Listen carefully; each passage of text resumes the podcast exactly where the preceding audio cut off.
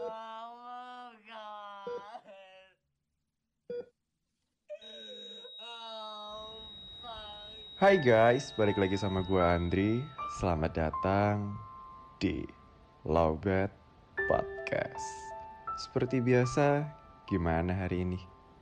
Capek ya? Sini, duduk dulu. Ambil posisi ternyaman kalian. Yang rokok, dinyalain rokoknya. Yang ngopi, dinikmati kopinya.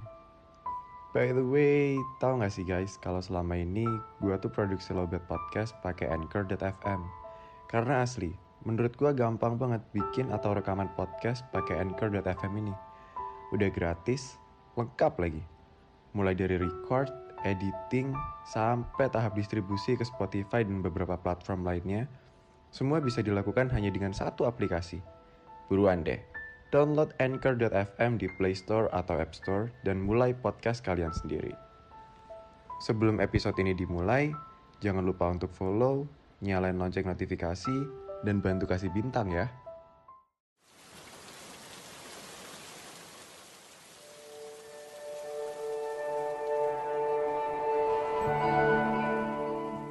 Gimana nih September kalian? September ceria atau malah jadi September? Apa? September? It's okay. Kan hidup memang gak selalu tentang apa yang kita mau. So, buat teman-teman yang Septembernya ceria, congratulations ya. I'm happy for you.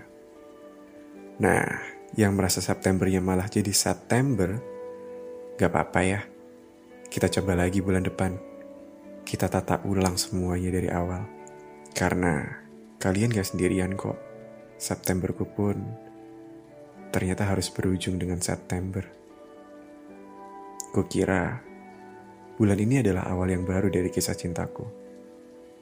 Tapi ternyata aku salah.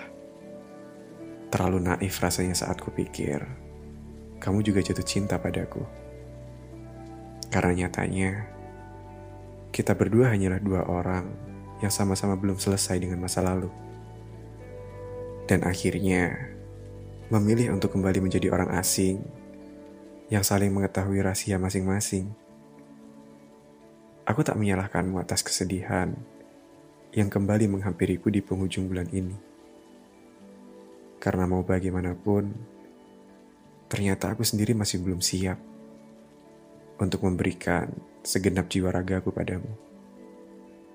Rasanya sangat menakutkan saat aku akan memberikan effort yang selayaknya untuk memperjuangkanmu. Tak bisa aku pungkiri.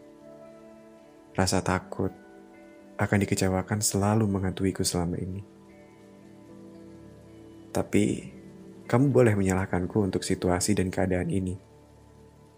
Karena bila waktu itu, aku tak memulai duluan percakapan untuk mengajakmu berkenalan. Mungkin kita tak akan kembali berada pada fase yang membingungkan ini. Ya, mungkin beginilah cara Tuhan menyelamatkan kita dari patah hati yang hebat untuk kesekian kalinya. Rasa sakitnya memang tak terhindarkan, namun paling tidak kita masih bisa terselamatkan dari trauma karena benar-benar terjatuh pada lubang yang sama untuk kedua kalinya. Gila ya. Gak kerasa loh.